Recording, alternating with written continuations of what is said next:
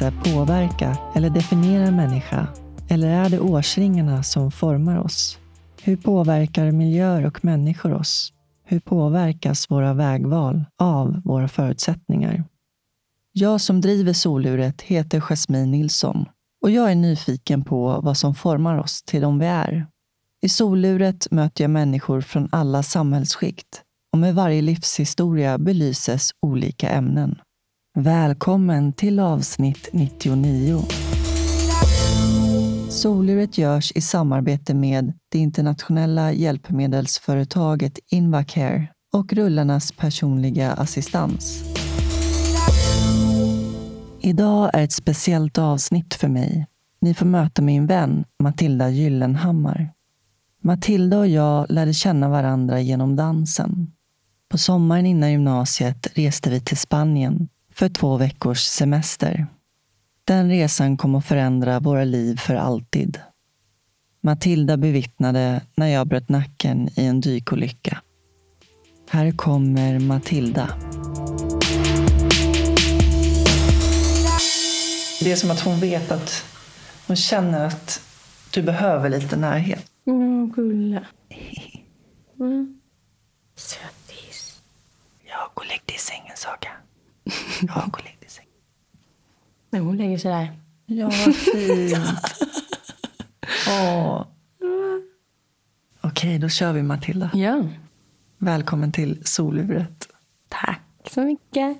Nu sitter vi här. Vi har pratat om det länge. Mm. Det regnar ute och vi har lite tända ljus och det är riktig höstkänsla. Ja, verkligen. Hur mår du? Jag mår bra. Skönt Det är lite tryggt i, i luften när det är så här med, Ja, med regn. Det känns som att det är mellan säsonger. En skön känsla. var befinner du dig i livet?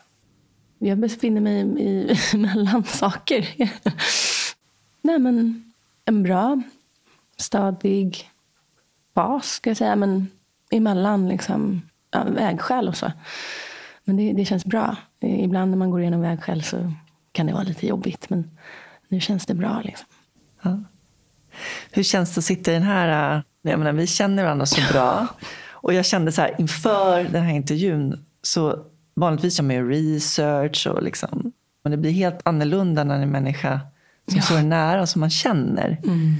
Jag kan tänka mig det. Ja, Det är svårt liksom. det är det verkligen.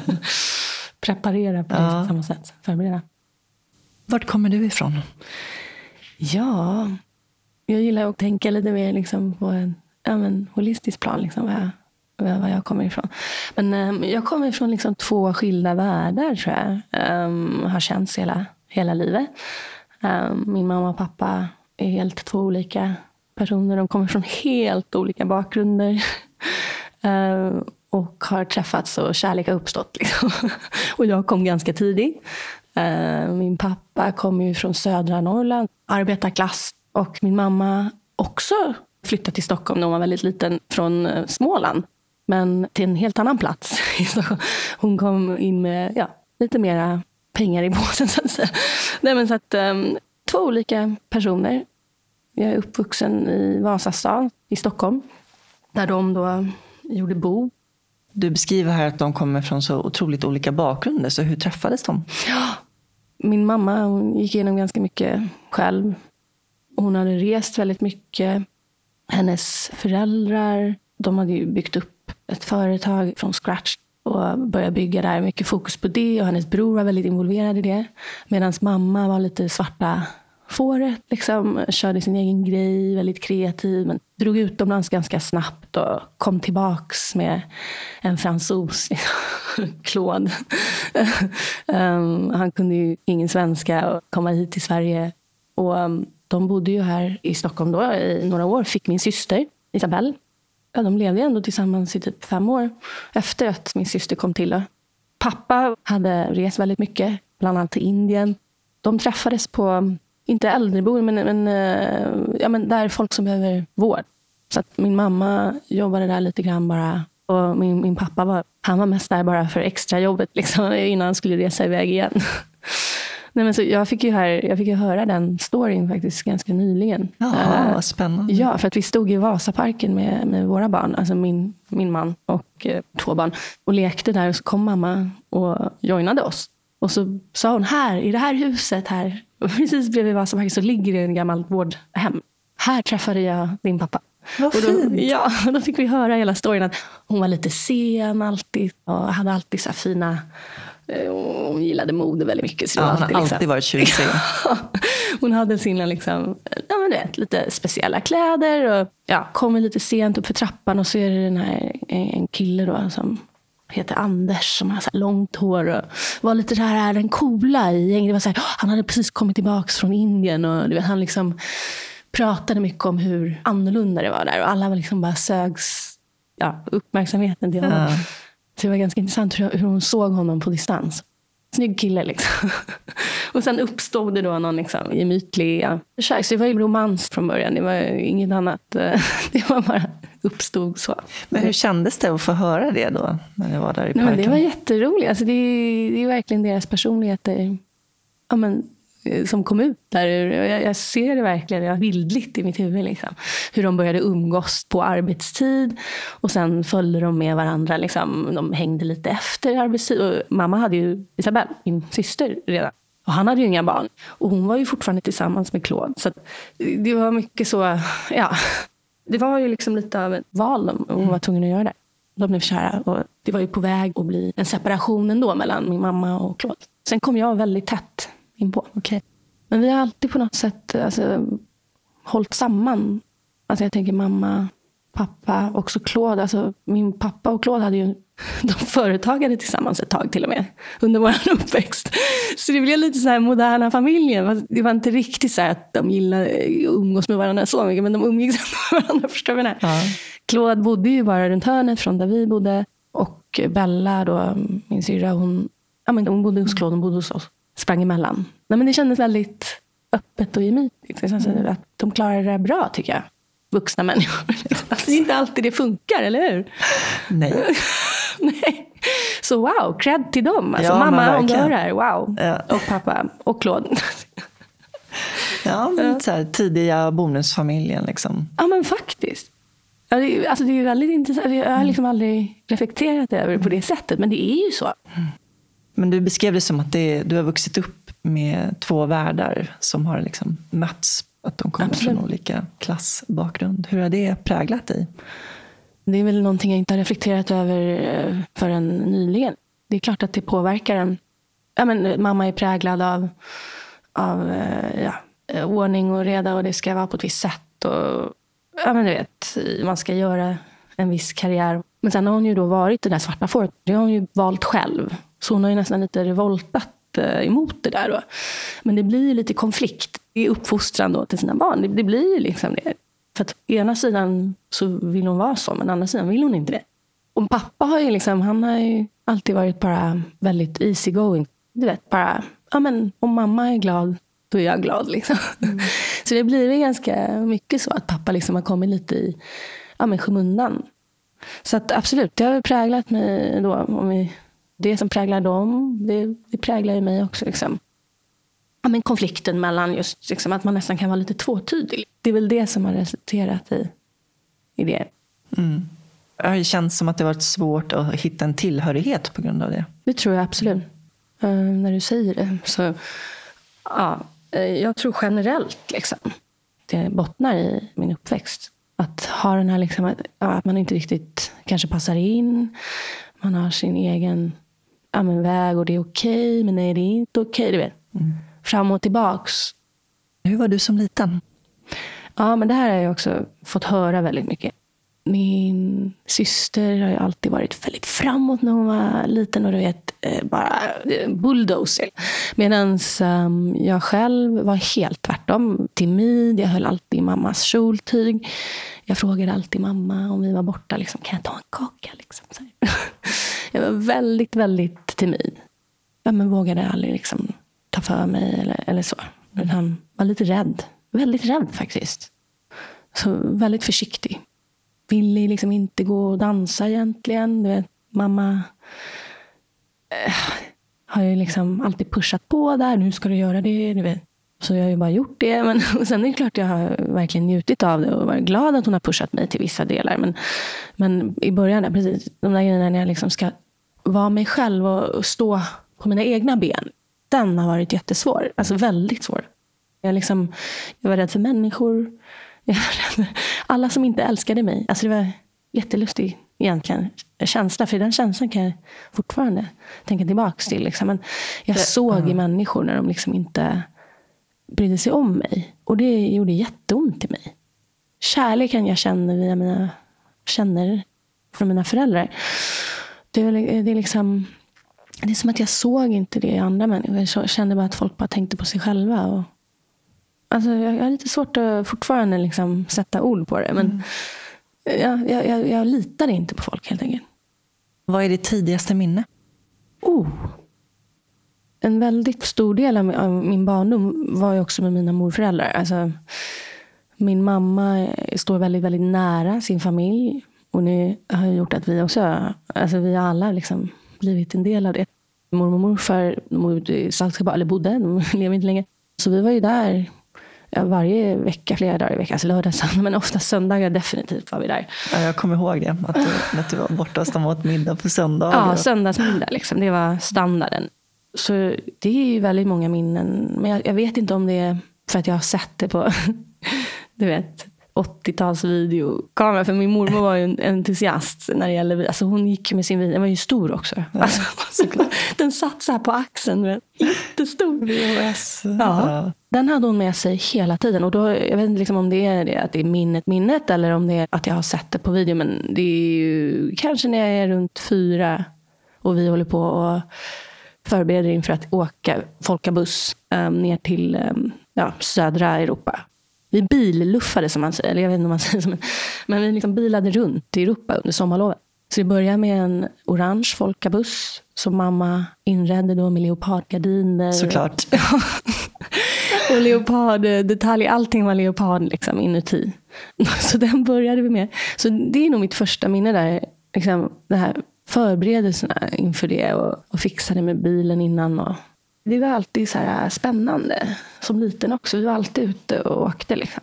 Det är en speciell uppväxt på det viset att mm. du fick se världen tidigt. Ja, absolut. Och möta andra kulturer. Och... Ja, verkligen. Så det, det tror jag verkligen... formar en på många sätt. Oh, ja. Du var ju mycket i Indien också. Ja, det var ju mammas liksom, ivrighet att inte fastna i Sverige, utan hennes nyfikenhet.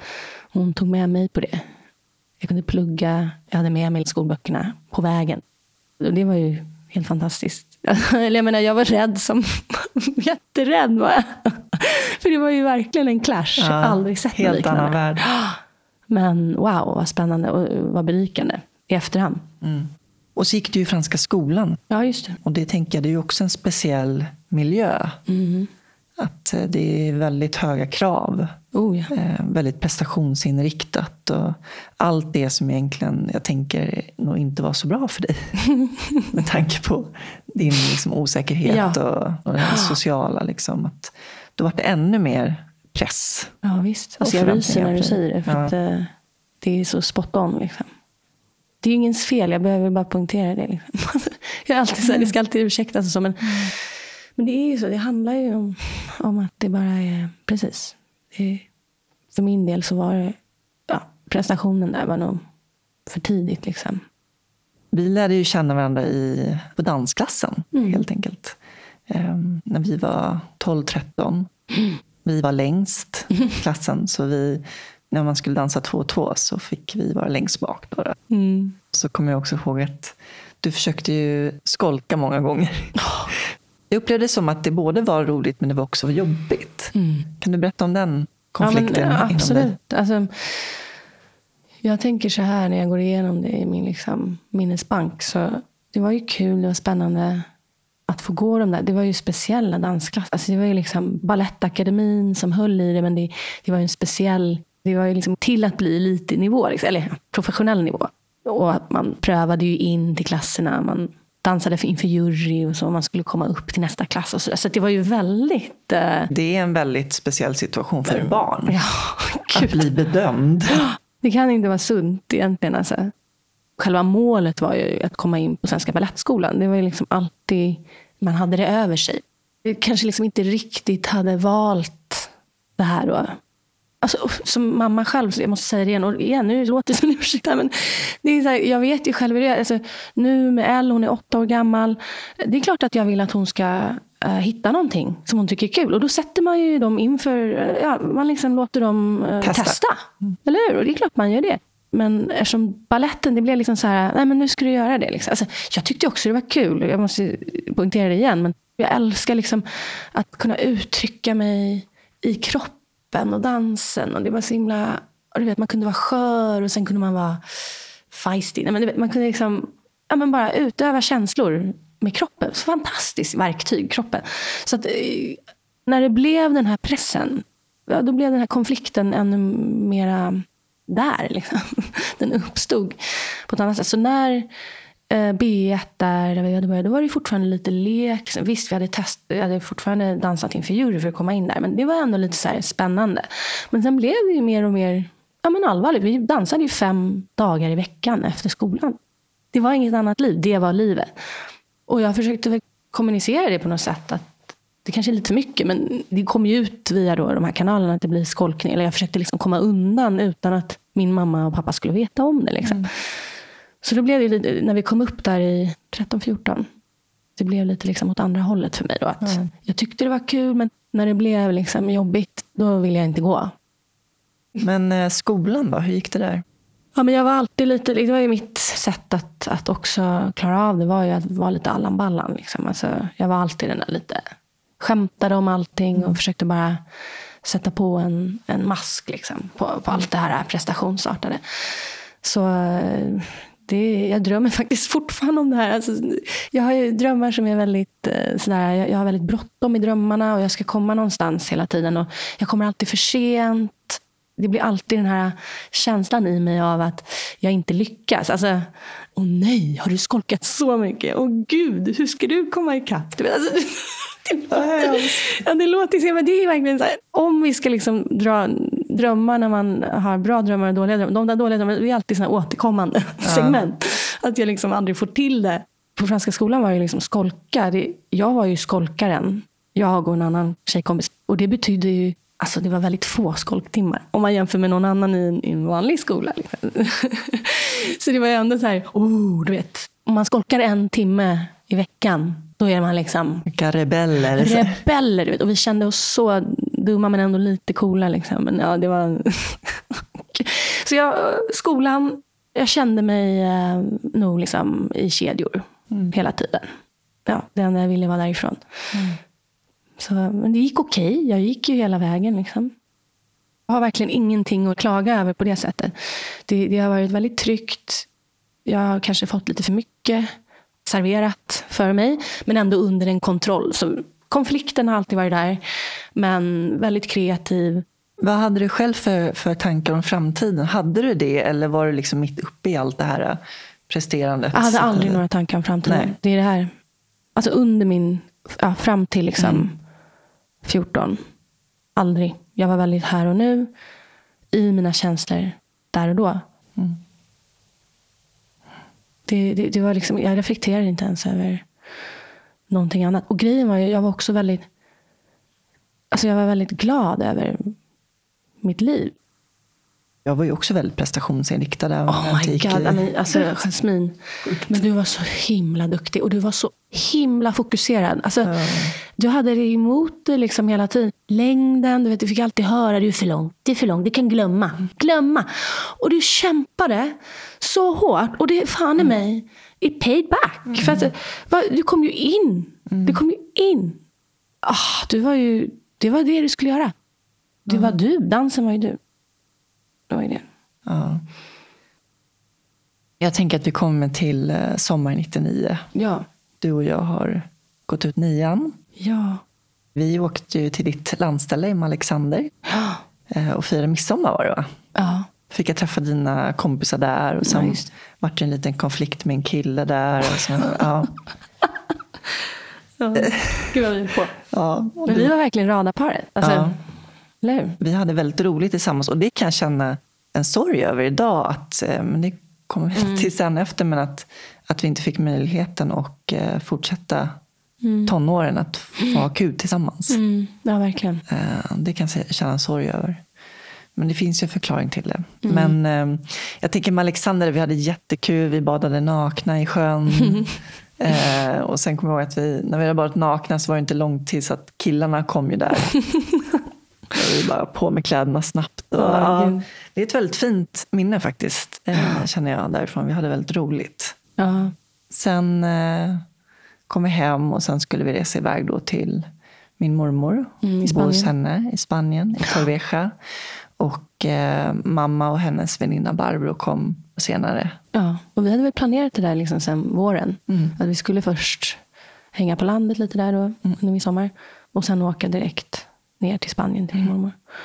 Så det var ju liksom någonting vi hade sett fram emot. Vi hade packat och du vet, verkligen sett till att allt var på plats. Liksom. Det, Ja, men två tonåringar, vi skulle resa själv. ja, det är stort. Ta oss Alltså. själv från flygplatsen till mormor och jag gick vilse där i Ja. Torrevieja så vi fick gå runt hela centrum där innan med våra, släpa våra resväskor innan vi kom fram. gud. Och, ja, och du visste ju inte heller vad du hade förväntat dig. Nej, inte Så, alls. vad Torrevieja var för plats och det var ju nytt för dig Ja, också. visst.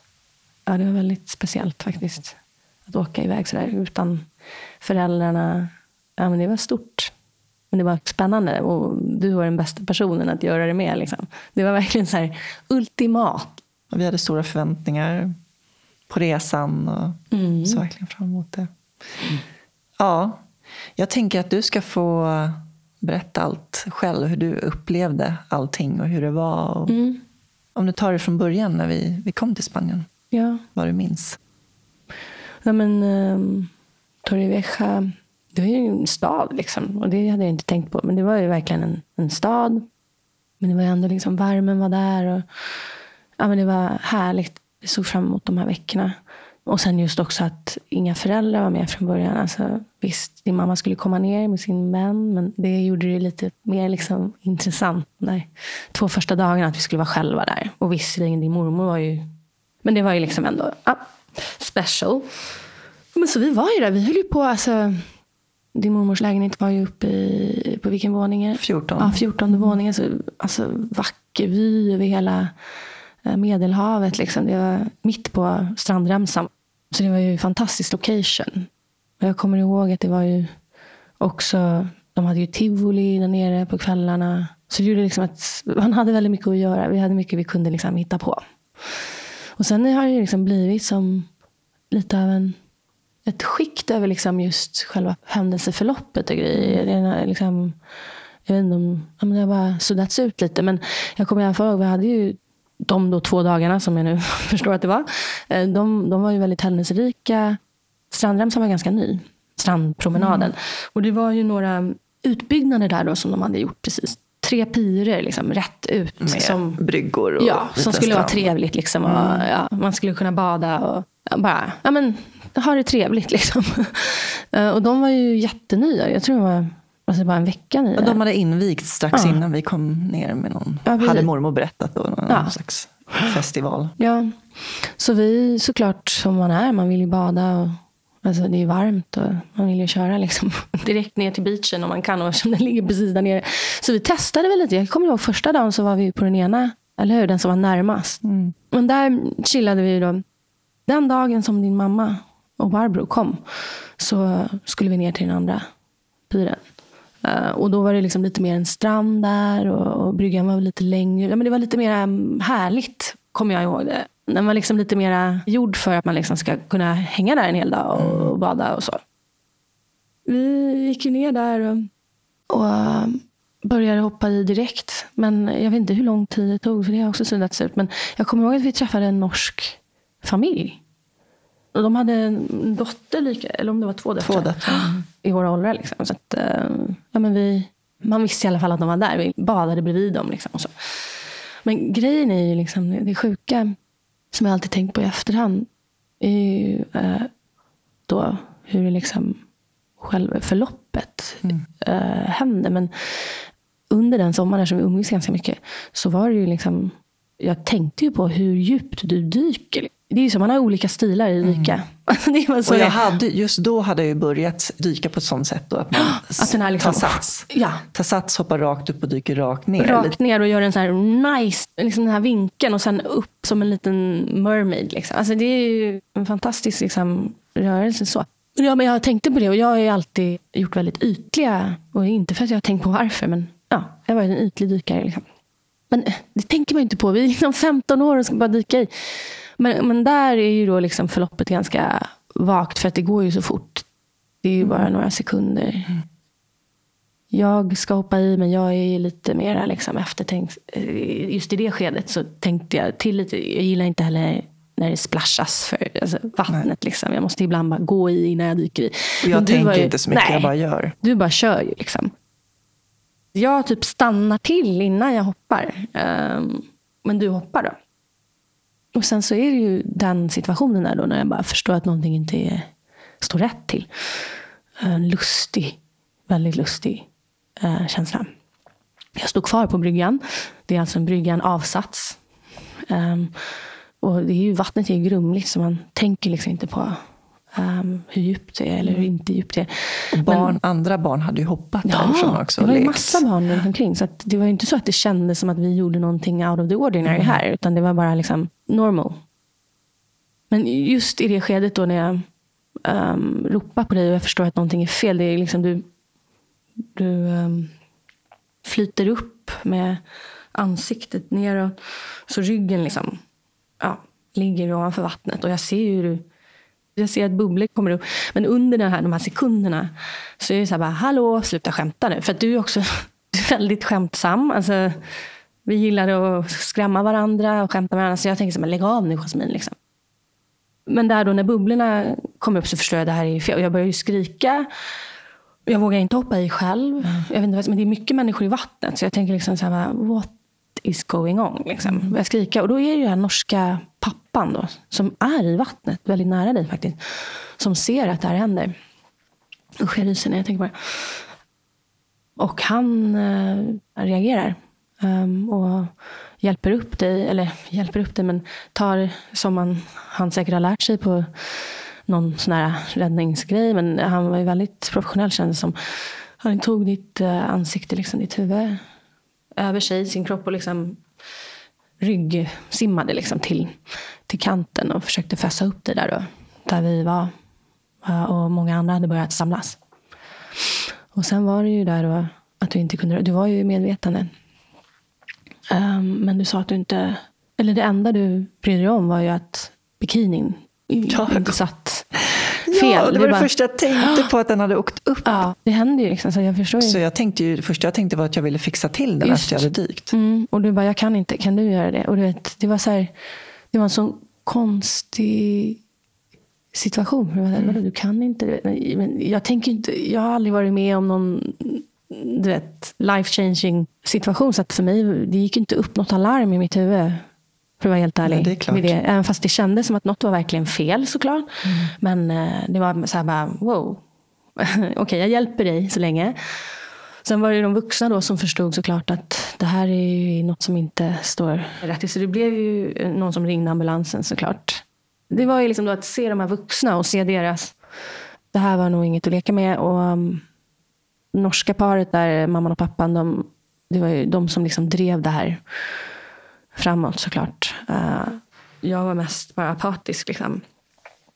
Men det var ju vad är era föräldrar? Liksom, det var den frågan. Och, och det var ju det då, det gick upp för mig att ja, men vi är ju inte vi är här själva. Liksom. Men de var ju uppe i lägenheten, de hade ju precis anlänt.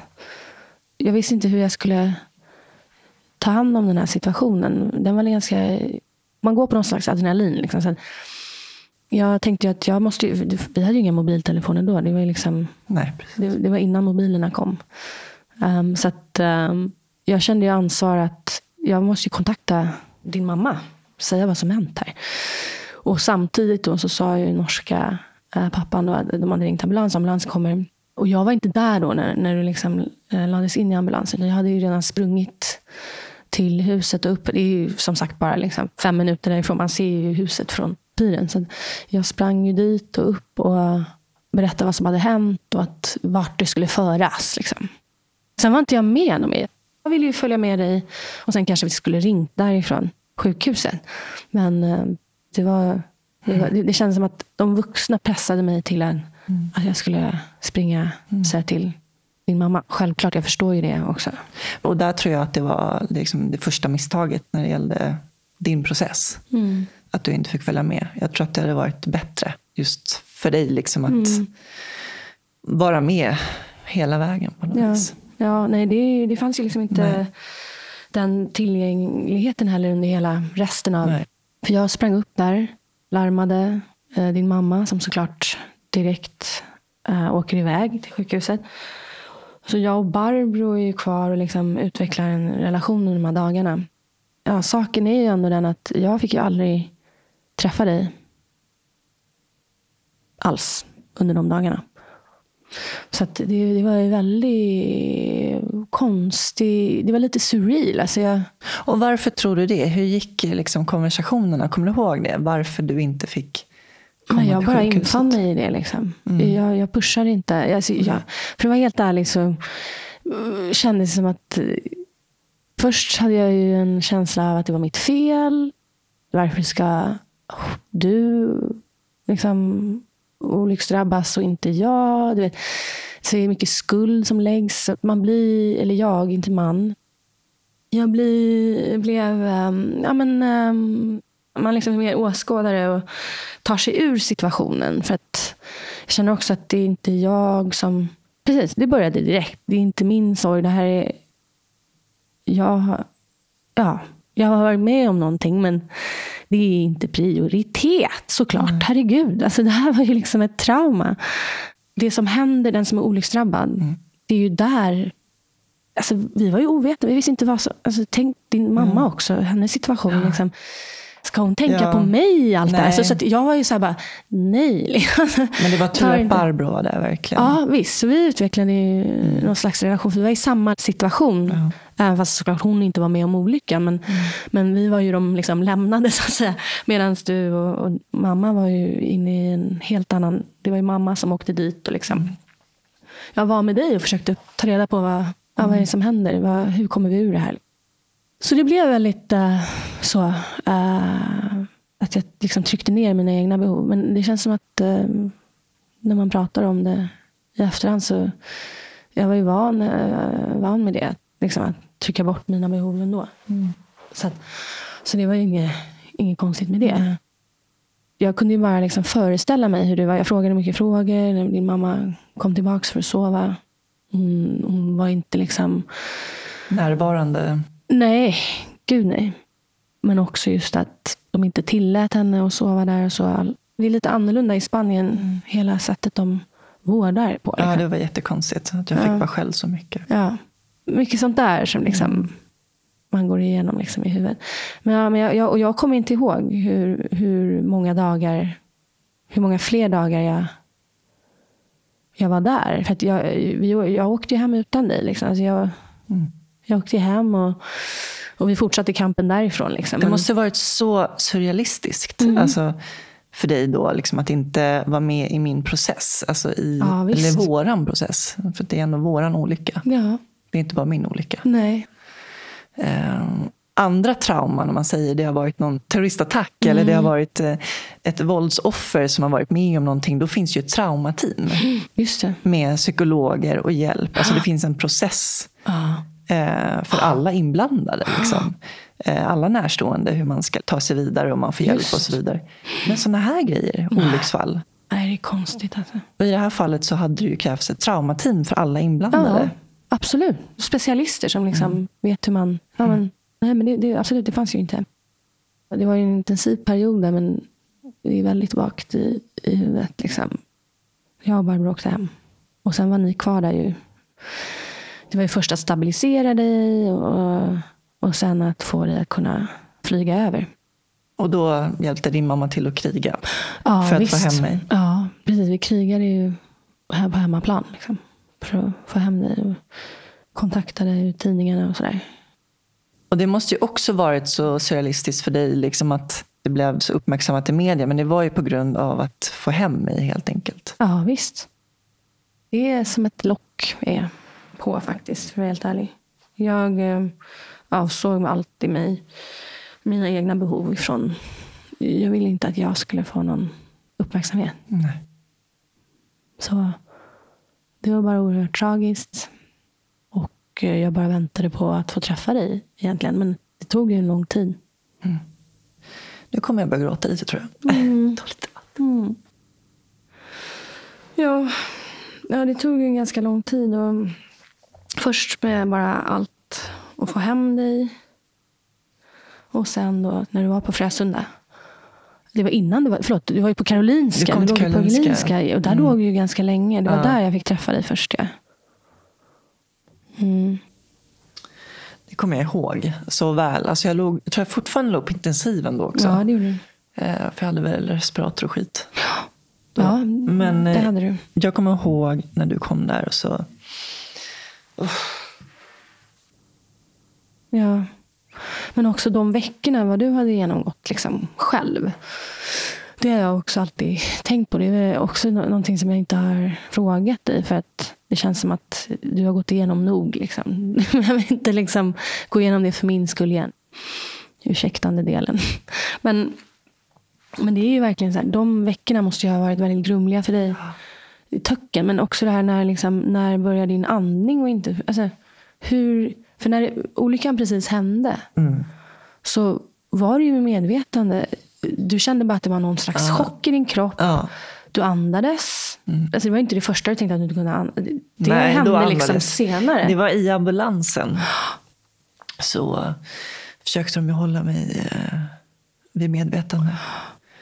Ehm, För att om man tappar medvetandet så slutar man ju andas. Ja. Och det var det som hände i ambulansen. Så då var de ju tvungna att eh, i ambulansen intubera ja, just det. halsen. Ja. Eh, Det vill säga man satte in en tub i halsen för att de ska hjälpa en att andas. Mm. Med en sån här ballong. Och, eh, och sen då när jag kom till eh, sjukhuset så kopplade de upp mig då till en respirator. Så det var ju redan där. Men alltså, förstår du, liksom, där är du själv och har den här... Det är så himla konstigt hela grejen där med att eh, närstående fick ju bara besöka två gånger om dagen.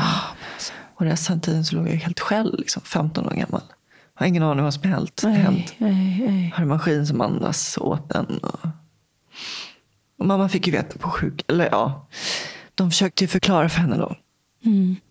eh, På sjukhuset i Spanien. Men hon har ju beskrivit då i efterhand att hon kunde inte ta in det. Vad de sa. Hon förstod inte. Hon förstod men förstod inte. Nej, det är klart man vill inte förstå det där. Det är, eh, jag tror också att det är väl en normalt förlopp att man liksom tänker så här, det här löser vi. Eller hur? Ja, precis. Och det var lite den känslan jag också fick när du kom och besökte mig på sjukhuset. Jag vet att jag redan då tänkte att, att du hade blivit så avskärmad från allting. Liksom. Och som du säger själv, du har liksom förtryckt dina känslor. Liksom. Ja. Och det var ju ditt sätt att hantera. Ja.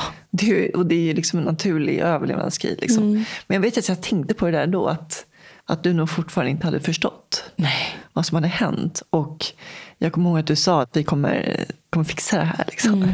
Du kommer Mm. Ja. kunna gå igen. Och Absolut. eh, var helt inställd på att jag Ja. kommer bli bra igen. Mm. Det kommer jag ihåg. Mm. Så var det. Men det måste ju varit alltså, för dig att komma till sjukhuset och, och första gången som du träffar mig efter och få se allt det här, liksom, maskiner och allt runt omkring. Det måste ju varit Mm. Ja, usch. ytterligare ett trauma, tänker jag. Ja, absolut. Jag hade ju inte kunnat ens tänka mig vad, vad situationen skulle vara liksom, när jag träffade dig. Men absolut, det var ju traumatiserande att se hur illa däran du hade liksom varit. För mig var ju du liksom i bikini på stranden i stort sett. Alltså, visst, vi hade fått upp dig på land och du kunde inte röra dina ben. Men för mig var du fortfarande hel liksom, i, i huvudet. Och sen att se dig så trasig. Liksom. För det var ju en annan person som jag såg några veckor senare.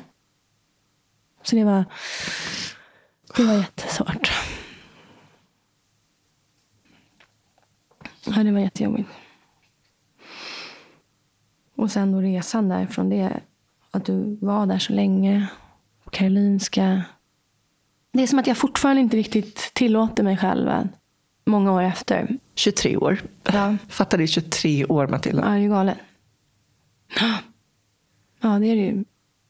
Ja, men det är liksom fortfarande så. eh, Den här liksom känslan att, som du säger, antagligen på grund av att vi inte fick gå igenom det tillsammans.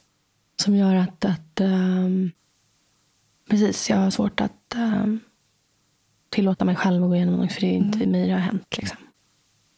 Även fast jag var där.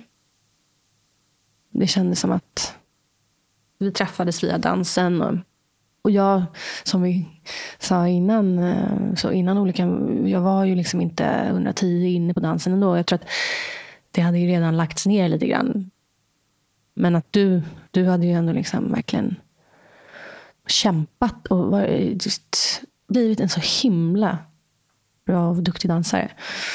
Som gjorde att det blev ännu liksom värre för alla oss. Så man kände liksom att man inte var värd själv att, att göra någonting som har med det att göra.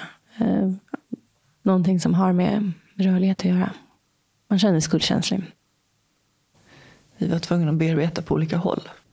Precis, alltså jag tror i och med min uppväxt som vi säger, jag var ganska splittrad från start och kontrollerad på ett sätt som gjorde att jag var redan liksom på väg ut ur det och göra revolt. Liksom. Men i och med det här som hände så, så blev det en katalysator för mig att liksom försvinna ifrån det lite grann. Allting här. Så det var i stort sett bara det jag väntade på, att gå ut gymnasiet och, och kunna dra härifrån, för att vara helt ärlig. Jag träffade ju min man, som jag fortfarande är tillsammans med, far till mina barn. Mm. Berätta, hur träffades ni? Ida, Ida kommer du ihåg också va? Ja, Ida är en, en gammal vän till mig som jag har känt sedan jag var, gick i förskolan. Hon började umgås med några människor eh, som gick i Östra Real. Och jag gick fortfarande i franska. Ida gjorde också det. Och ehm, ja, jag började umgås med dem också. Vi började fika och så. Det var ett ganska stort umgänge, lite olika klickar. Men eh, ja, några personer där var ganska centrala i det eh, umgänget. Så det var lite droger involverat och lite så här, ja men Östermalms eh, ungdomar som ja, tyckte att det var kul att försöka uppleva lite olika grejer. Jag tänker att det också kanske var en flykt eh, från allt. Absolut. absolut. Jag vill ju bara liksom ut från, ja, men från allt som har med liksom det som har varit eh, att göra. Liksom. Så det blev ju att jag, även fast jag kanske inte, ja, jag kanske inte ville, men jag gjorde det för att precis bara komma ur känslorna. Men så Robin, då, som min man heter, han var i det här umgänget. Första gången jag såg honom så tänkte jag att han är speciell. Honom, eller jag tänkte bara, fan vad snygg han är. Faktiskt för ärlig. fan vad snygg han är. Jag håller med, han är jättesnygg. Han är min... Stilig karl. och jag har ju alltid varit timid och liksom eh, inte heller så här, jag kanske ljög lite om att jag hade haft mer killar än jag hade. Lite sån, du vet, jag ville vara någon som jag inte riktigt var. Men med honom så var det ju verkligen så här, wow, det var nog min första riktiga liksom. För han var ju en väldigt intressant och annorlunda person på det sättet att han liksom eh, inte visade några känslor alls för någonting. Du vet, han, var så, han hade ju suddat ut det totalt i och med sin uppväxt och så. Som gjorde att jag ville liksom in honom på livet. Och det var det som gjorde mig väldigt liksom, intresserad. Jag tror vi kysstes första gången vi sågs. Det blev ju liksom som en fast punkt i min tillvaro. Liksom. Att jag hann inte processa saker utan jag gick rätt in i något nytt. Liksom. Och det har varit hela mitt liv sedan dess. Bara springa in i nya saker hela tiden. För att det känns också som att livet är för skört. Liksom. Det, det är bara att tuta, köra, jag kan dö imorgon. Mycket ångest som jag liksom var tvungen att tampas med. Uh, på olika sätt. Och just i och med att det blev liksom lite, du vet, introduktion till droger, alltså lätta droger, men, men ändå. Min mamma har ju alltid liksom sagt att vi är inte kan ha för att vi har ett hjärtfel. Det är ett hjärtfel som är, kallas SVT, superventricular tachycardia. Så det är liksom en, ett, ehm, ett fel i rytmrubbning. Så att jag har väl haft känsla av ångest också tidigare i livet när man känner att det är något fel på kroppen. Liksom. Men just mamma har liksom alltid sagt så här, Droger är inget för våra hjärtan. Liksom. Så var, jag hade alltid det i bakhuvudet. Men, men ändå så testade jag ju saker. Och det var ju det som var grejen. Då, att jag fick min första panikattack ja, precis inpå där. Eh, ja, men sommaren efter. För att jag hade eh, rökt lite marijuana. Då blev det som att hela, hela världen och livet skulle sluta på en sekund. Liksom. Hyperventilerade och allt det här. Det kommer jag ihåg väldigt starkt också. Nej, men så, så det var väl min första liksom, upplevelse med, med panikattack och ångest den där efter olyckan. Att liksom, allt blev bara som ett mischmasch av en massa känslor. Och sen träffade jag ju Heidi också under den här tiden. Jag hade träffat henne innan. Hon är en spiritual healer. Och hon, uh, jag gick en kurs när jag, jag tror det var faktiskt där i nian, precis innan vi åkte, under nian. Det var via liksom en dansmodellskola. Och Heidi skulle, vara liksom, ja, men, skulle få oss självkänslan och den här spirituella biten av oss unga tjejer att komma på plats. Och det var jättehjälpsamt. Hon verkligen gjorde ett stort intryck på oss allihopa. Men sen då efter olyckan så blev det att hon blev en, en central roll i, mm. i att eh, få lite bukt på saker. Så jag hade ju ändå, liksom, som vi sa, vi gick ju inte till någon trauma Även fast Heidi jobbar ju med trauman så. Men, men just, det var liksom mera, kom från mammas håll. Att hon tyckte liksom att ja, men, låt oss ta in Heidi i det här lite grann och vägleda dig. Nej, men så, så det höll vi på lite så fram och tillbaka med panikattacker och ångest där och så under mina gymnasieår. Men ändå, jag hade liksom Robin där och, och han var som en fast punkt. Liksom. Han var det här stora trädet och jag var löven som bara susade i vinden. Liksom. Vad fin liknelse. Mm. Jag har alltid sett det så. Liksom. Sen har jag ju såklart försökt att ja, förstöra det många gånger. Lite ja. självdestruktivt oh, ja. beteende. Mm, precis, självdestruktivitet. Och då samtidigt där så går du på rehabiliteringen, du försöker mm. komma in i livet igen. Mm. Det är en väldigt lång resa. Mm. Det här med att komma hem och försöka komma hem till ett... Man vill komma hem till så som det var innan. Men mm. det var ju inte det. Allt var ju annorlunda. Eh, så det ju så även med kompisar och umgänge och så att jag, jag kände, alltså, det var väldigt svårt.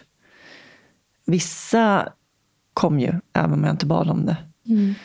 Men jag hade väldigt svårt att hitta ett nytt sätt att umgås med mina vänner på.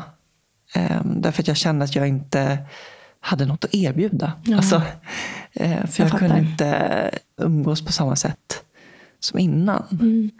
Kändes det som. Mm. Så jag distanserade mig också medvetet. Alltså, mm. ja, undermedvetet egentligen. Mm. Men, men jag avskärmade mig lite från, och från världen. Du orkade inte med Nej. det? Liksom. Och man kände inte att man var sitt rätta jag. Nej, precis. Man var samma människa. Eh, mm. Kärnan var densamma. Men hur jag skulle vara i förhållande till omvärlden var ju jättesvårt och tog jättelång tid. Ja, men gud. Alltså, det där är ju liksom, vilken förändring som helst är ja. jobbig, men det här är ju liksom en... Det går inte ens att jämföra med något annat. Så jag tror mycket det, alltså dels så oh. att vi blev eh, separerade liksom mm. på en gång um, var ett stort mm. misstag mm. av omgivningen. Att ja. inte fånga upp det på något vis. Um, och att sen då läka på ja, varsitt håll. Liksom. Precis. Mm, men verkligen. Ja, det är svårt det där. Det är, jag tror att det är också en naturlig process i den här liksom, förändringen i, som för dig specifikt.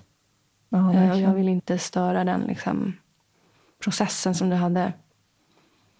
Alltså, jag ville att du skulle veta att jag var där, mm. om du ville. Men jag ville liksom inte heller tvinga mig på. Mm. Ja, men precis. Det var igen liksom en konflikt där. Liksom.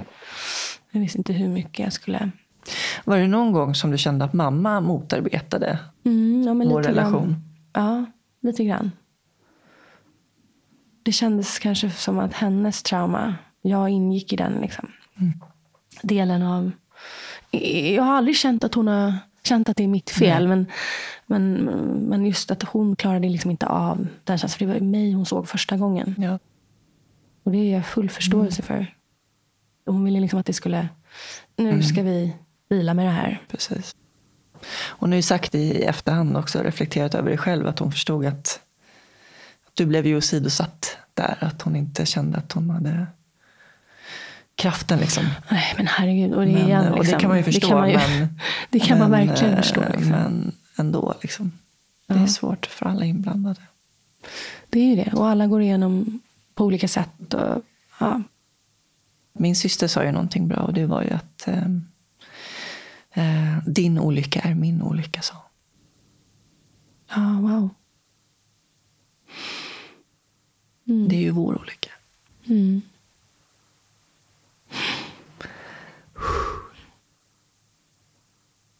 Alltså mycket av min, liksom, hur jag behandlar är ju liksom, och hur jag processar saker generellt efter det. Det är liksom att jag vinkar bort saker väldigt mycket. Jag försöker Ja. alltid att göra saker lättare. Liksom. Alltså, ja, ja, ja. Livet är svårt. Gud, alltså, förstår du? Det är så här, jag försöker alltid så här, um, ja, istället för att vara i känslan. Förstår du vad jag Ja. menar? Ja, men eh, gymnasiet, shit, alltså. du träffade Robin Ja. ehm, och sen eh, ville du bara sticka. Ja, precis. Så jag drog bara... Först drog jag faktiskt till London, bara några månader, och var au pair där. Enklaste sättet var bara att åka dit. Jag var inte riktigt någon bra au pair. Liksom. Det var bara inte min grej. Så jag kom tillbaka ganska snabbt hem. Men sen direkt så drog jag till Paris istället började plugga. Tog ett eh, basår där. Och då hade jag lämnat Robin, faktiskt. vi hade distansförhållande. Han ville inte hänga med. Han pluggade till kock och han antog sig liksom den här Guide Michelin star-grenen som är liksom, ja, you don't have a life. Liksom. Du jobbar Nej. där 18 timmar. Så vi sågs ju aldrig. Nej, men så jag drog till Paris och han ville fortsätta med det han gjorde. Han verkligen skulle utvecklas. Så jag lät han göra det. Liksom. Och så drog jag på mina egna äventyr. Kom in på den här förberedande då, basåret som sagt. Som skulle då förbereda mig för att komma in på en eh, linje i London. Så jag skulle liksom tillbaka till London ändå, kände Och jag. vad var det för någonting som du ville bli? För att vara helt ärlig, jag hade ingen aning, som vi sa förut. Jag hade liksom aldrig några framtidsplaner. Allt var väldigt här och nu.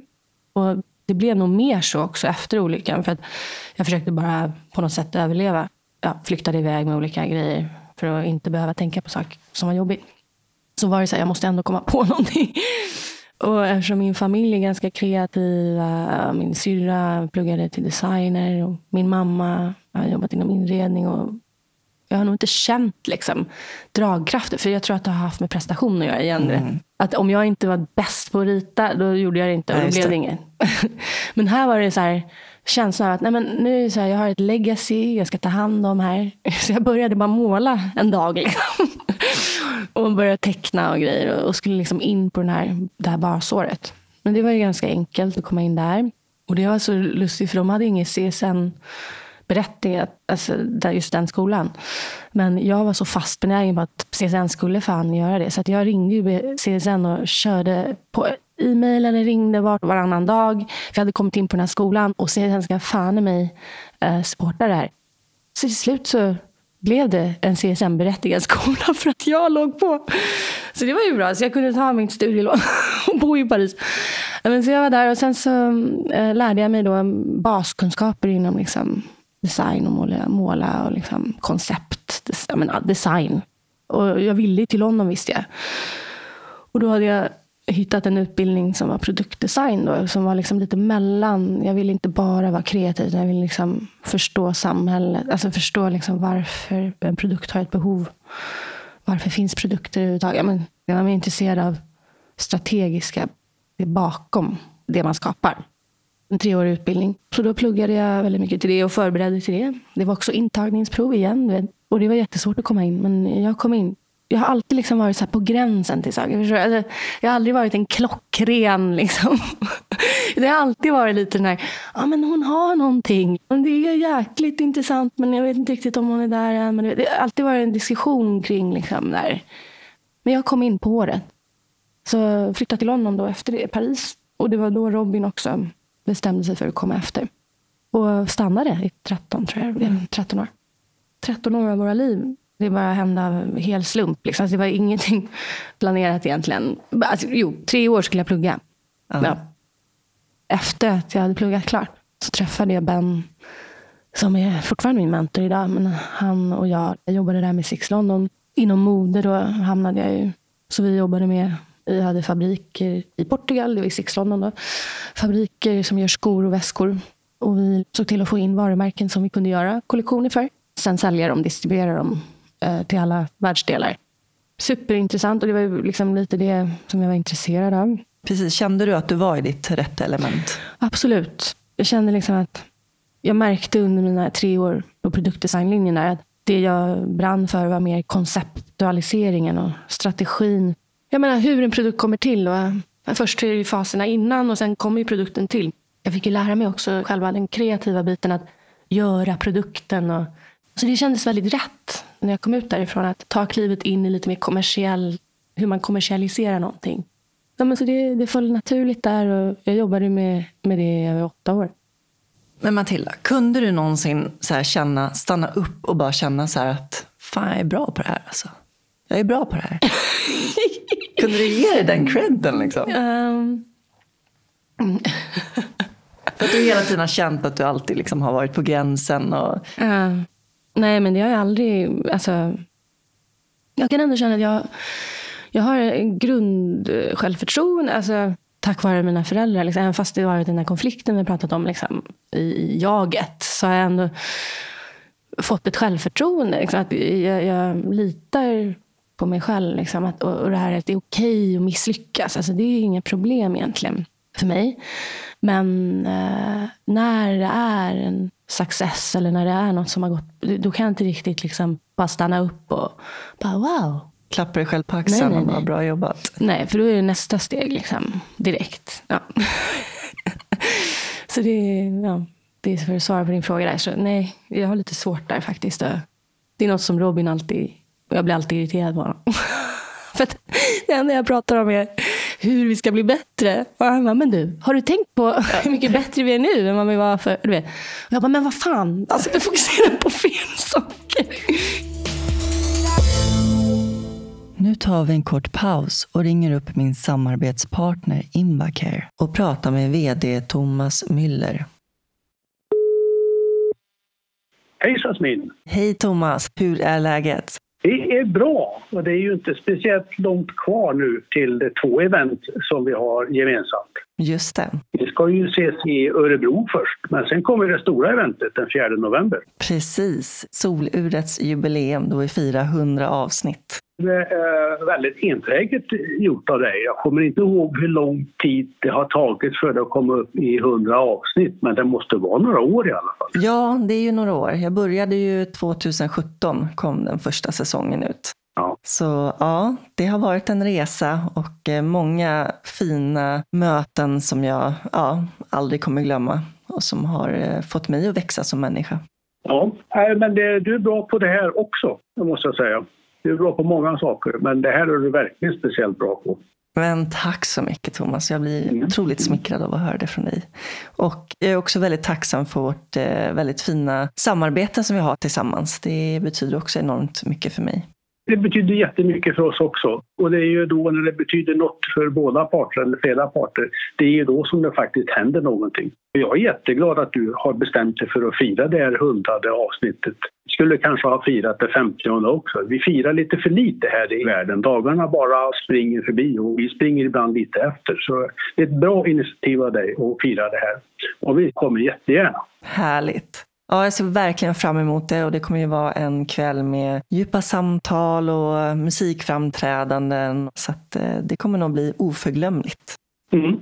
Helt övertygad om det. I närtid, 4 november, fredag. Precis. Och sen var det Örebro också. Ja, innan det så ses vi i Örebro. Du vet ju att jag vurmar för de här, andra människor kallar dem för mässor. Jag föredrar att kalla dem för möten. Mm. Fokus hjälpmedel är ju rubriken för det. Det är en typ av regional mässa, möte för alla hjälpmedelsleverantörer. Och då är det viktigt att alla hjälpmedelsleverantörer kommer, stora som små, så att hela branschen blir samlad. Och så är det en kringresande turné. Det är Örebro som står på tur här i oktober. Det vurmar jag för. Och du har varit med på det är flera av de här mässorna, mötena, yep. som inspirationsföreläsare. Det har varit väldigt omtyckt. Ja, det har varit ett jättefint bemötande också. Och jag tror att det är bra att få med eh, det perspektivet också när man jobbar i den branschen. Ja, Så eh, Örebro är i oktober och sedan eh, hundrade avsnittet i, i november. Det går så fort så att jag kommer tillbaka till det här att stanna upp och fira är viktigt.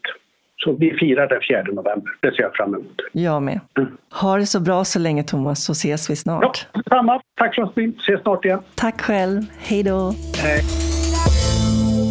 Och sen eh, blev du gravid. Ja. Med Elle. Mm. Är det nio år sedan nu? Ja, men snart. Ja. Det är nio år sedan. Hon blir nio i april. Ja, men det var också så här, jag och Robin har ju haft våra dunster, alltså, då vi inte har varit ihop. Liksom. Eh, uh, eftersom vi träffades så tidigt. Så det var ju kanske tre gånger under de här åren som vi separerade. Sista gången vi separerade, uh, som också var den längsta, det var ju då uh, två år som vi inte riktigt liksom pratade med varandra. Och sen började vi träffas igen som vänner. Men det liksom går inte med mig och honom. Men, och då kom L till. Då. Så vi var inte tillsammans. Men vi blev tillsammans. Här.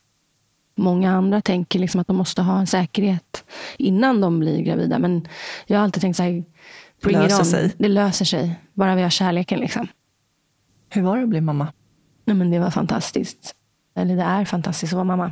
Det är verkligen det finaste som, som finns. Svåraste också. Men ja, nej, det är fantastiskt att vara mamma. Det är typ det enda jag har varit så, så fokuserad på. Mm. Känns mest naturligt av allt. Liksom. Och sen kom Vincent tre år efter. Då. Men sen då så, så kände väl jag främst att, eh, inte specifikt London, men jag var så trött på, på livet. Där. Det, det funkar inte med barn helt enkelt. Alltså mitt, min karriär.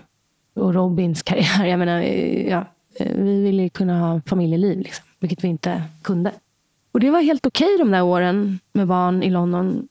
Det funkade. Det var inte så att vi var missnöjda, men, men vi bara märkte liksom att vi måste ha bara en, en förändring. Men eftersom jag är den som liksom tar klivet, ofta före Robin, så var det som att jag fick någon epiphany i en taxi på väg hem från Paris när jag hade jobbat två veckor där jätteintensivt. Och bara prata med taxichauffören så man pratar liksom om att han flyttade till London och det finns så mycket möjligheter i London. Han var från Turkiet. Och, det var liksom, och man måste ta vara på livet. Liksom. Man måste, det, bara, det bara fick mig ännu mer till att sporra den här grejen. Och, att vi måste göra någonting. Och, och då började vi tänka på, okej, okay, var skulle vi kunna flytta? Liksom. Och då kom det upp den här möjligheten då för Robin att ta sig an ett jobb på Bali i Indonesien. Så då körde vi på det. Och många var ju så här, men ska ni inte åka dit först och kolla? så här, ni har ändå två barn, en ettåring och en treåring. Liksom. Eh, ni har karriär och liv här, ni har bra jobb. och vi bara, nej vi behöver inte åka dit och kolla. Äh, skit i det. Vi åker. Hej då, ciao. Så vi bara sa upp oss. Och tre månader senare satt vi på planen. Och så var vi på väg till Bali. Så vi hade några månader där. Två månader bara för att settle in. Och sen började Robin jobba. Um, och jag fortsatte jobba på mitt egna företag som jag hade satt upp i London. Berätta om företaget. Ja, men det var, jag har ju alltid lite svårt att sitta still och låta saker bara vara. Så mm, när jag var mammaledig med Vincent så, så kände jag bara att jag ville ja, men, bara sätta upp något eget. Eftersom jag jobbat i mode och så och såg så många märken komma till. Och liksom, det, det kändes onödigt, kände jag bara. Liksom, att skapa ännu en till den här var det här skeppet är på väg. Jag vill inte äda till det, till den skiten. Liksom. Så jag började bara tänka, det kom bara ur att jag gillade att pyssla på jeansjackor med såna patches och brodyrmärken och så. Och det fanns bokstäver som var ganska nytt då, så man kunde sätta namn på jackan så att det blev liksom personlig. Och det var väl därifrån det började med att vänner ville ha samma jacka som Elle hade till sina barn. Och då började jag göra jackorna till dem så såg ju deras kompisar. Ja, men så det blev liksom så. Och så sätta upp då en online business. Där vi gjorde då eh, jeansjack, personalized, personaliserade jeansjackor.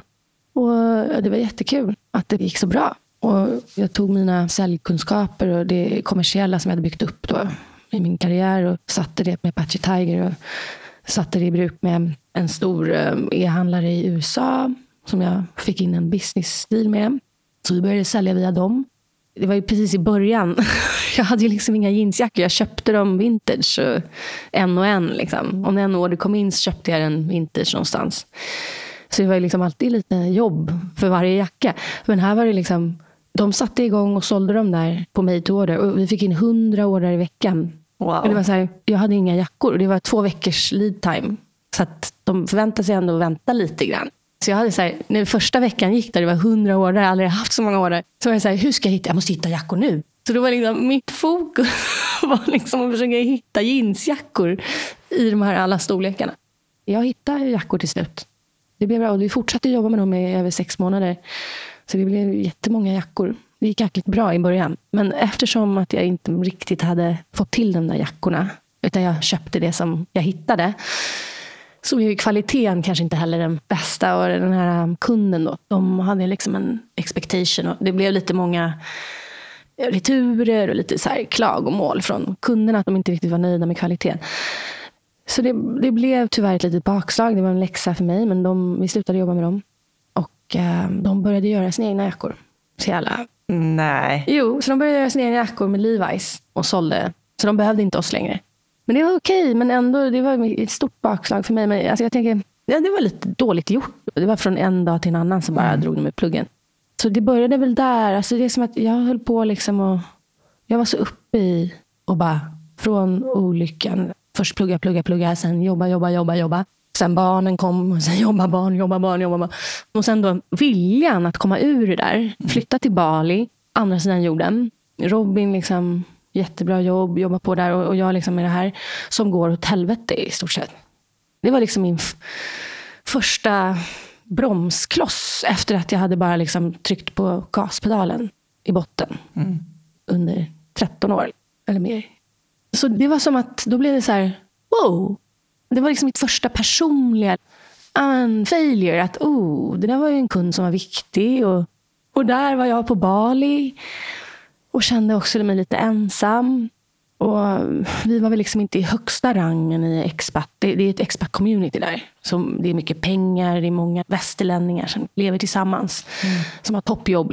Medan Robins och mitt liv där, alltså Robins jobb var ju bra men det var lite mindre. Du vet, de kunde inte ge lika mycket som de andra hade. Så vi, det var ju en liten klasskillnad och vi kunde inte bo på samma ställe. Alltså vi bodde ju fint liksom, tyckte vi. Men när vi var hemma hos alla de andra då var det liksom det var palats liksom. Uh, och det är okej, men, men på något sätt kände jag mig igen här. Alltså den här utanförskapet. Som jag själv skapade tror jag, som mm. vi pratade om. Liksom skapar utanförskap. Att jag måste ursäkta mig själv hela tiden för dem, den gruppen. Och sen är jag med en annan grupp hela tiden mm. där. Och sen fick ju Vincent tyfoidfeber. För han kunde inte vaccineras som oss för att han var för liten. Och så får han tyfoidfeber. Mm. Och han var så sjuk och jag mådde så dåligt. Uh, och sen blev jag sjuk med någon mask i magen. Så du vet, det är bara så här, allt failar. Det, liksom, ja, det var bra första sex månaderna.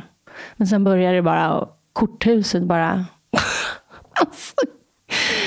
Så det blev bara pannkaka. Och det var nog det var en jättejobbig period. För det var då jag liksom behövde dela med mig själv. Mm. Och allt det här som jag hade bara tryckt undan i en väska.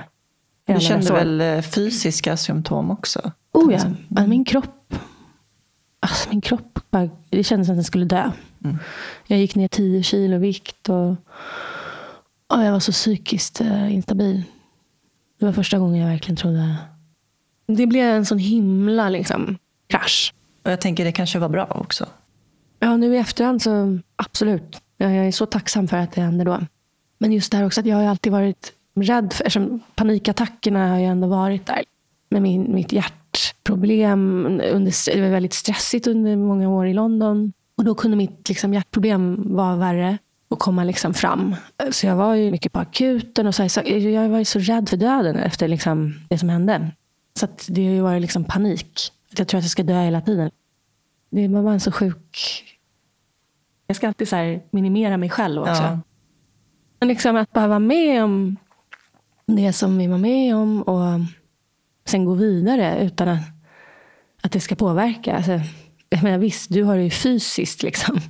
påverkat. Du måste dela med det här, mm. hur du än vill eller inte. Liksom. Men jag då som hade fysiska kvar, jag kunde liksom välja och bara Förtränga det. Förtränga det och bara tänka eh, eh.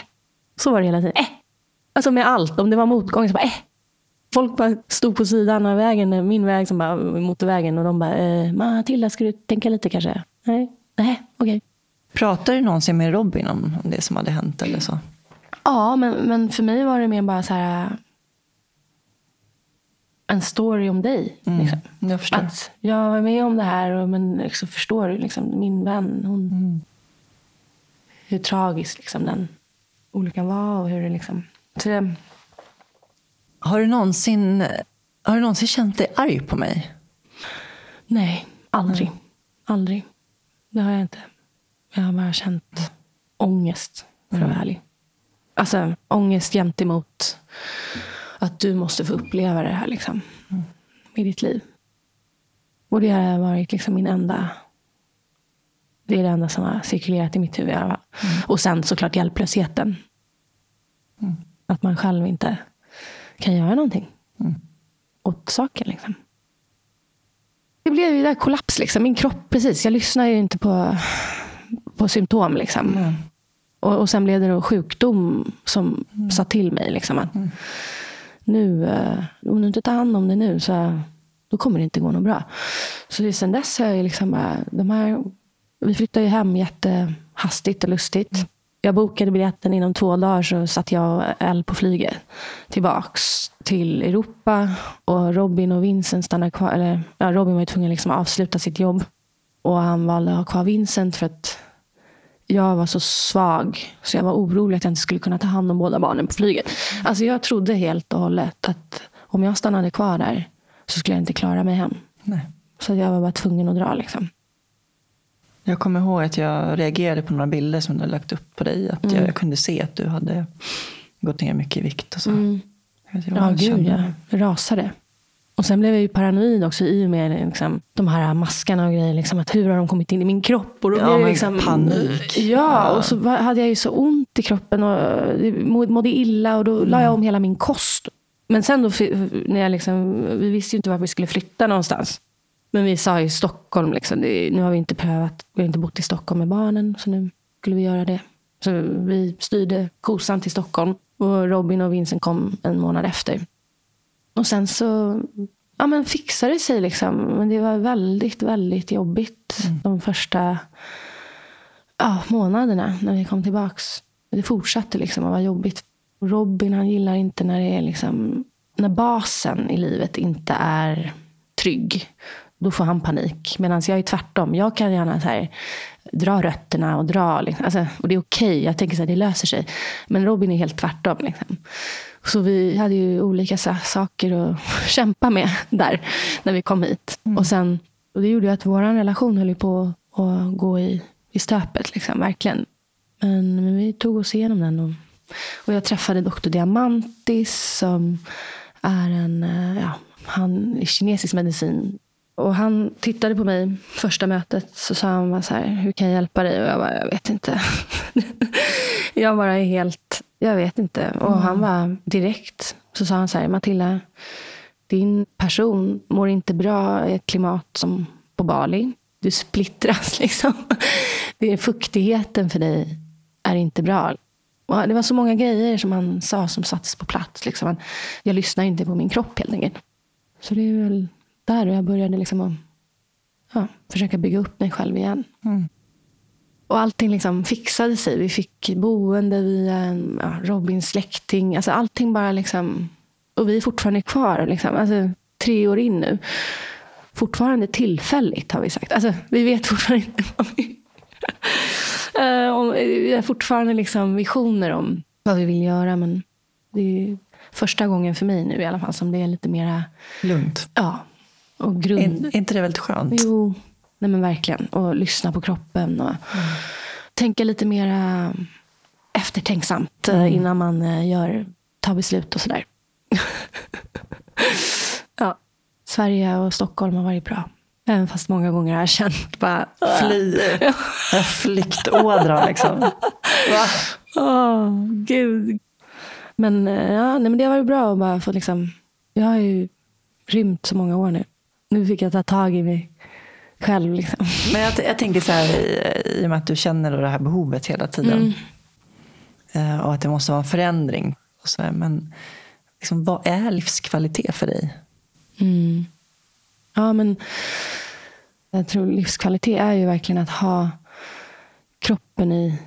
Gud, alltså det, det är så himla... Liksom, men att ha... Att, att liksom, livskvalitet kommer ju ifrån hälsa först. Det är så himla viktigt. Knoppen och kroppen, de är så olika. och Knoppen kan verkligen styra kroppen, men till slut så går det inte. Liksom. Kroppen måste vara centralt. Det tog några år för mig att komma dit. Du liksom bara katapulserades direkt in i den. Att du var tvungen att dela med det. Liksom. Men jag vill fråga dig en sak också. Mm -hmm. uh, var du någonsin arg på mig? Kände Nej. du någon, liksom, någon slags... Förstår du vad jag menar? Liksom bara känslan av att... Nej, aldrig. Nej. Uh, aldrig. Jag tror att jag ganska tidigt um, uh, kände en förståelse för dig. Um, och um, ja, att jag på något sätt jag försökte sätta mig in i din situation också. Mm. Och, oh, Gud, men det... Ja, ja. Alltså, det, det är så här, vad du går igenom. Du kan inte sätta dig in i någon... Oh, ja, alltså det var ju, mm. Jag tänkte inte på att jag led på grund av det som hänt mm. mig. Utan jag hade också dåligt samvete och ångest över all den smärta som jag orsakat alla andra. Mm. Liksom, hur ledsna alla andra var runt omkring. Alltså, hur det har påverkat min familj. Jag Oj, menar nu idag, 23 år senare, så pratar vi om hur det har påverkat dig. Ja men gud, så du, får ju, så du har liksom, skuldkänslor också? Ja, liksom. ja absolut. Ja. Så jag har haft jättemycket skuldkänsla över det. Hur det har påverkat min familj mm, framförallt. Andra liksom. Ja. Så det är en enorm... Det var en enorm börda och mitt sätt att försöka hantera den bördan det var ju att visa att jag mår bra. Ja, just det. Att, att du klarar kan, dig. Att jag klarar mig, mm. att jag kan leva ett bra liv. Ja, du är stark trots allt. Och, mm. och det har ju också varit både till fördel och nackdel. Mm. Så det har liksom varit mitt sätt då, att visa mig stark. Ja, precis. Eh, för att jag inte vill att andra ska vara ledsna längre och övertyga andra om att jag mår bra. Just det. Speciellt det. mamma var ju jätteviktigt att liksom, mm. nej men jag mår bra nu, jag klarar mig själv. Mm. Ja, gud. Men också, jag tänker, du och jag som personer, är ju, vi, som vi sa, vi är väldigt prestations... Alltså, mm. Vi drivs av prestation ja. i grunden. Liksom. Mm. Och då, när sådana här saker händer, då är det som så här, ja, men, mm. Och det, det kommer jag ihåg, så jag sa ofta till många också som undrade, men herregud. Du vet. Mm. Så jag säger, ja men Jasmine hon är så jävla stark. Mm. Om något, och det här låter absurt. Men om någon som kan klara det här så är det mm. Jasmine. Liksom. Och det är så här, Alltså, när jag tänker liksom, men det, är så här, det känns som att Nej, men det är också okej att inte klara det. Alltså, ja, men precis. ja, men fatta, det är okej att inte ja. må bra. Och det är det här. Liksom. Det är mm. okej att... Det är okej att vara ledsen. Ja. Och, det, och det vet jag att det var viktigt för mig när jag skrev min bok. Eh, att skriva det naket och ärligt. Mm. Om att jag faktiskt var väldigt ledsen och jag ville inte leva längre ett tag på sjukhuset. Ja, det. Och, eh, ja, så att, och det vill jag vara ärlig med liksom, i min bok också. Att eh, berätta om det här. Att just för att det är det här prestationsinriktade samhället och liksom man stannar inte upp och tillåter sig själv vara ledsen. Exakt. Och även i rehabiliteringssvängen så är det också mm. väldigt mycket så att det är mycket fokus på det fysiska. Just det. Att man så snabbt som möjligt ska bli liksom självständig fysiskt ja. och klara sig. Eh, vilket ju också är en viktig del i det hela. Men lika mycket som man måste klara sig fysiskt måste man ju överleva själsligt också. Oh, och det är det där jag, alltså det Och det pratar ihop. man för lite om. Eh, den själsliga smärtan. Så, och därför blir den spontana liksom, reaktionen att det handlar om att överleva och visa sig stark. Liksom. Ja. Ah, men alltså det är, oh, det är så viktigt. Det är kanaliseringen, liksom, att mm. lära sig det från början. Mm. Jag tror också att eh, för mig, dansen hade uppfostrat mig ja. och format mig väldigt mycket. Och också gett mig eh, egenskaper mm. som hjälpte mig på många sätt. Oh ja. Ja, men, ja. Det är någonting också som jag känner mer och mer. för att det, I och med att jag uppfostrar egna barn nu också. Uppfostrar, fan. Jag vill inte säga det ordet. Det känns så gammalt. Ja, men jag, för jag menar, uppfostra, det är inte det jag vill göra. Men Man, du vägleder? Vägleder, och, tack. Och, ja. ja.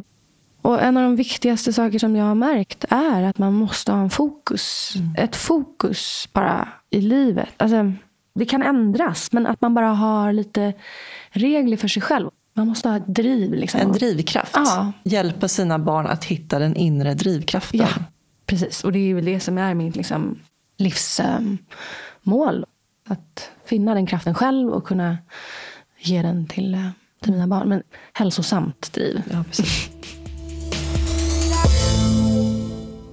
Vad innebär det för dig att vara människa? Ja, gud. Det är ju en väldigt stor fråga. Och väldigt svår fråga. Och jag tror, även fast du skickade den frågan för två dagar sedan i förberedelse för det här. Så är det fortfarande så himla svårt för mig. Uh, för igen, det har med prestation att göra också. Att jag måste ha det där perfekta svaret. Men att vara människa för mig är bara alltså tre ord egentligen. Det är empati och det är kärlek och förståelse. Liksom. Alltså, leva här och nu. Alltså, bara tänk efter. Det är så få år som man lever här på jorden. Jag vet inte mm. varför vi liksom, man är med om grejer. Och vissa värre än andra. Men det är, någonstans, eller hur, måste vi hitta den här liksom, kärnan till att vi är, vi är här. Man måste bara vara okej med omständigheterna, även fast det är svårt. Mm. Och försöka leva det bästa man kan. Liksom. Tror du på ett liv efter detta? Jag tror nog inte det. Och det är väl därför också som jag tror att man ska verkligen försöka leva ut så mycket som möjligt här och nu. Jag är ju spirituell, men det behöver ju inte betyda att jag tror att det finns ett liv efter detta. Men jag tror definitivt på spiritualitet också. Jag tror att det nog slutar här. Det här livet i alla fall. Alltså, vad är ett liv? Liksom? Förstår du vad jag menar? Alltså, det är, så här, det är vad vi har bara satt ord på det ett mänskligt liv och ett liv mm. efter detta. Ja, men det kanske är, vet, eh, men det är inte ett liv i alla fall. Det är något annat. ja. När känner du dig fri? När jag bara får vara mig själv. ja.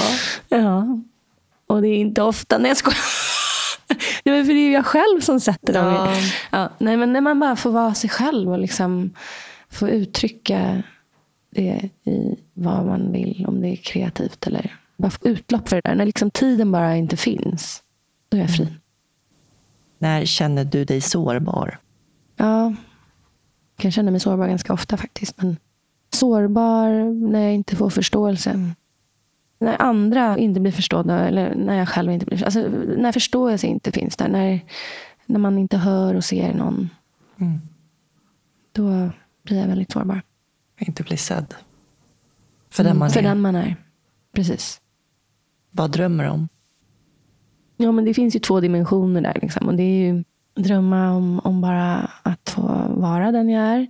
Men om man liksom ska ta det mer i, i det vi säger, att det är viktigt att ha mål och det är viktigt att sätta målsättningar. Så jag, och Robin har ju en fyraårsplan liksom, som vi har satt i verket och vi håller på att komma dit förhoppningsvis. Och det är väl det jag drömmer om, att kunna göra det jag vill göra utan att ja, känna mig tvingad. Arbetare eller inte. Liksom. Alltså, att man gör någonting för att man måste tjäna pengar och sådär. Det, mm. det handlar ju om att liksom kunna göra någonting bara utav viljan för att man vill göra någonting. Du är ju verkligen entreprenör. Mm. Med tanke på ditt företagande och din kreativitet och ja, jo, din absolut. drivkraft. Och det är många olika projekt och det är många många misstag man gör och många grejer. Alltså, det är ju, man tänker inte på det ofta. Man tänker bara på allting som går så bra. Man läser om allting som går så bra. Alla som skapar så mycket bra grejer. Men alla de här människorna som det har gått så jävla bra för. Alltså, vet du hur många gånger det inte har gått bra för dem? Mm. Alltså, det, är liksom, det, är en gång av hundra som mm. det faktiskt funkar. Det är bara plow through. Alltså, man måste bara fortsätta kämpa. Liksom. Fortsätt att bara pröva, testa nya saker. Och man misslyckas på vägen. Men mm ibland är det svårt liksom, att tänka så när man tycker att man, har, man kämpar och man försöker och man gör nya projekt och sätter upp nya idéer. Du vet, och det går liksom inte hela vägen dit till, om man nu ska kalla det då, ekonomisk frihet. Men den här känslan av att man är fri från att man måste eh, gå till jobbet 9 till 5. Men jag tänker så här, vi är här fyra år och så ska vi se till att vi kommer upp till en viss nivå i vår ekonomi och sen kunna köpa något i Lissabon istället, i Portugal. Det så tycker det jag låter jättebra. Ja, och så ja. kan Robin göra sin grej och vi kan kanske hitta något litet B&B. Alltså göra något liksom i något litet townhouse. Han kan göra sin restaurang del och jag kan hosta gästerna. Nej, men något sånt där. Ja, men så vi får se. Fyra år, det är, det är en typ, alltså Robin skulle säga åtta år, men jag har liksom pushat på fyra. ja. Men det är bra att ha båda synsätten, eller hur? Ja, det så jobbar man tillsammans. Så får du komma ner där och, Mm. och bo med oss. Ah, vad härligt. Kaffe eller te? Eh, te, alltså kaffe, det, jag är redan du vet, eh, uppåt schack utan någonting. Så om jag tar koffein, då blir jag en som. Jag pratar redan liksom lite snabbt. Då skulle jag liksom bara så här, "Gud, alltså, min hjärna går så mycket snabbare. Alltså, det är också någonting liksom som har kommit fram på senaste året. Det är bra med diagnoser, det tycker jag. Alltså, det hjälper ju folk framåt. Alltså, det är väl bara bra att veta liksom, att man kan förhålla sig till någonting och kanske få hjälp på ett annat sätt. Har man svårt med sig själv så kanske man behöver då verktyg för att kunna Mm. Exakt. hantera vardagen och Right. hantera livet. Ja. Och det där är ju en väldigt bred skala på eh, hur mycket hjälp och verktyg man behöver för att klara av livet. Ja, exakt. Och det, det är det någonting du upplever med dig själv? Att du känner att du kanske har någonting Ja, men precis. på den skalan? Ja, och det var inte ens jag som sa, liksom, utan det var ju snarare min man som hade pratat med sin kollega. Och, och hon kände igen det. Hon hade aldrig träffat mig, men hon kände så himla väl igen det han pratade om i mig. Liksom. Och hon bara, är du säker på att eh, hon inte har ADHD? Och sen, samtidigt gick vi i terapi, eftersom vi var igenom en ganska jobbig period. Det var inte så att jag frågade vår terapeut, men hon, det var hon som bara eh, sa det själv, för hon är ADHD-specialist. Sen har jag ju inte gått någon utredning, men jag, jag känner inte att jag har behovet av det. Men, Nej. men bara liksom att man har förståelsen för sig själv lite grann. Ja. Och också sin familj, alltså mina föräldrar och Robin, att de förstår lite varför jag kanske har svårt till exempel med att låsa bilen. Alltså, det är såna här saker som är så här självklara för Robin, men som, som har varit svårt för mig. Och, och, du vet, ja, och det är inte så att man ska skylla ifrån sig. Och det, ja, men det är därför. Liksom. Utan det är bara en sån anledning för en själv att tänka, okej, men det är därför. Då kan jag kanske behandla det. Precis som verktyget att Och som du sa, eh, hur viktigt det är för dig att ha förståelse. Att Ja. andra har förståelse över vem du är. Ja, precis. precis. Framförallt dina närstående. Ja, Det blir lättare för dem då att förstå dig. exakt. Stad eller landsbygd? Landsbygd skulle jag säga nu faktiskt. Ända fram till nyligen så har det varit stad, definitivt. Nu skulle jag kunna tänka mig landsbygd. Jag är väldigt sugen på det. Bok eller film? Åh, film hade jag definitivt sagt fram till nyligen. Jag har börjat läsa något otroligt mycket nu. Jag läser liksom såna här self-motivation, och alltså self-learning. Alltså saker som ska få en liksom att eh, optimera sig själv. Jag bara älskar det. Kött eller grönsaker? grönsaker till 90 procent. Men sen så tycker jag ändå att jag optimerar snabbare. Om man nu ska effektivisera saker så tycker jag ändå lite kött då och då kan göra det mycket enklare.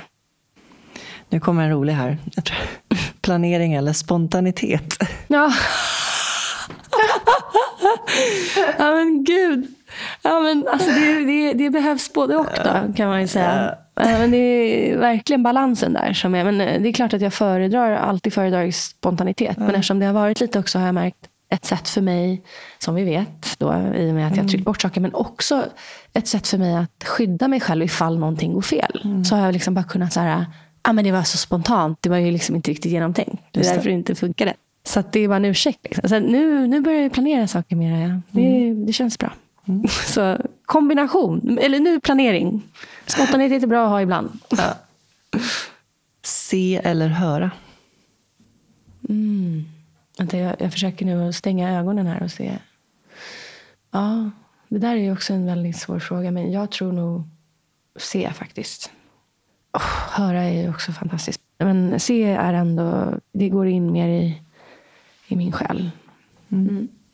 Lyssna eller prata? Mm. Jag har inte reflekterat så mycket över det här tidigare. Jag har bara kört på. Men, men eh, mer och mer nu så är lyssna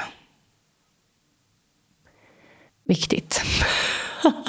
och nu om Robin hör det här så, så skulle han nog hålla med om det. Att jag börjar med att bli bättre på det. Nej, men absolut, lyssna är fantastiskt att kunna göra. Alltså det är, Jag tror bara att jag har pratat mycket för att eh, också liksom inte låta det stanna till i huvudet. Mm. behöva tänka så mycket. Så bara kör jag på. Men lyssna är ju wow. En egenskap som är, det är fantastiskt. Så den tränar jag på varje dag. Tack så jättemycket min älskade vän. Åh, tack för dig. För att du delade med dig av ditt liv. Mm. Och tack för att du finns. Det var jättefint. Tack för att du finns. Jag älskar dig. Och jag älskar mm. dig. Mm. Nej, oh.